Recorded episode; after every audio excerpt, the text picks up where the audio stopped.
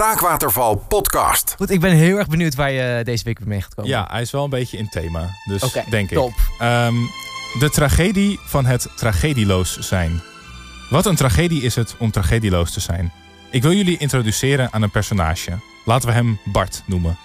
Bart komt uit Hoofddorp. Een prima gemiddeld dorp. Geen stad en ook geen hutje op de hei. Bart heeft twee Nederlandse ouders met Nederlandse ouders. Barts ouders zijn nooit gescheiden en hij is geen enigskind. Hij heeft namelijk een jonge broertje. Laten we zeggen dat hij Koen heet. Barts ouders verdienen net boven modaal. Niet genoeg om rijk genoemd te worden, maar ook niet arm. Zijn vader rijdt een Skoda, zijn moeder een Volkswagen Up. Bart werd nooit gepest op de basis- of middelbare school, had een stabiele groep vrienden. Bart heeft geen ADHD, ADD, autisme, overgewicht of ooit een beugel gehad. Bart voetbalde vroeger, kon altijd prima meekomen zonder ooit serieus talent te hebben. Bart heeft HAVO gedaan en doet nu HBO ondernemen. Bart is gewoon heteroseksueel zonder enige poespas. Zijn broertje Koen ook. Bart heeft nu twee jaar lang een relatie. Een prima leuk meisje genaamd Lisa. Bart begon met drinken op zijn zeventiende, op feestjes. Verder drinkt hij niet echt. Nooit gerookt, nooit drugs gebruikt. Je denkt misschien wat fijn voor Bart. Een simpel droombestaan wellicht. Maar als je dat denkt, zit je er helemaal naast. Bart is namelijk tragedieloos. En wat een ramp is het in deze tijd om tragedieloos te zijn. Bart was perfect geweest voor de jaren 50, waar verwacht werd dat je normaal was. En je absoluut niet over trauma's en gevoelens moest praten. Onderdrukken moest je die gevoelens. Maar wat een mazzel voor Bart, er valt niks te onderdrukken. Tegenwoordig zijn jongeren meer dan ooit bezig met mental health. En dit is dan ook meer dan vaak het gesprek van de dag. Bij Vlagen ervaar ik het persoonlijk soms als een show-off. Ik herinner mij een gesprek met vrienden over ouders. Ik heb daddy issues, zei een vriend van me. Waarop een vriendin trots vertelde dat ze mommy issues had. Omdat haar moeder altijd erg koud was in de opvoeding. Waarop de volgende reageerde omdat zij nog ergere mommy issues had. Omdat ze wel eens een tik had gekregen van haar moeder als kind. Een ander gesprek op een feestje. Waarbij een meisje vertelde over haar minderwaardigheidscomplex. Tegenover haar oudere broer, die alles beter lijkt te kunnen.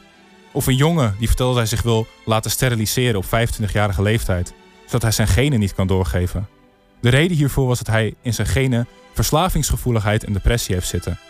Verder waren overigens bijna al deze mensen, zo hebben zij mij zelf verteld, niet heteroseksueel. Maar waar past Bart in deze gesprekken?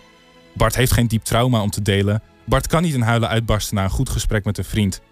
Als Bart zijn Instagram Reels opent en hij ziet een jongen met donkere krulletjes en een sikje die hem vertelt van ja ben je ook wel eens afgeleid, dan heb je waarschijnlijk ADHD en is je favoriete kleur groen. Nou dan komt dat omdat je vader graag in de weekenden een korte broek droeg. Daar heeft Bart niks aan, want hij relateert zich er niet aan.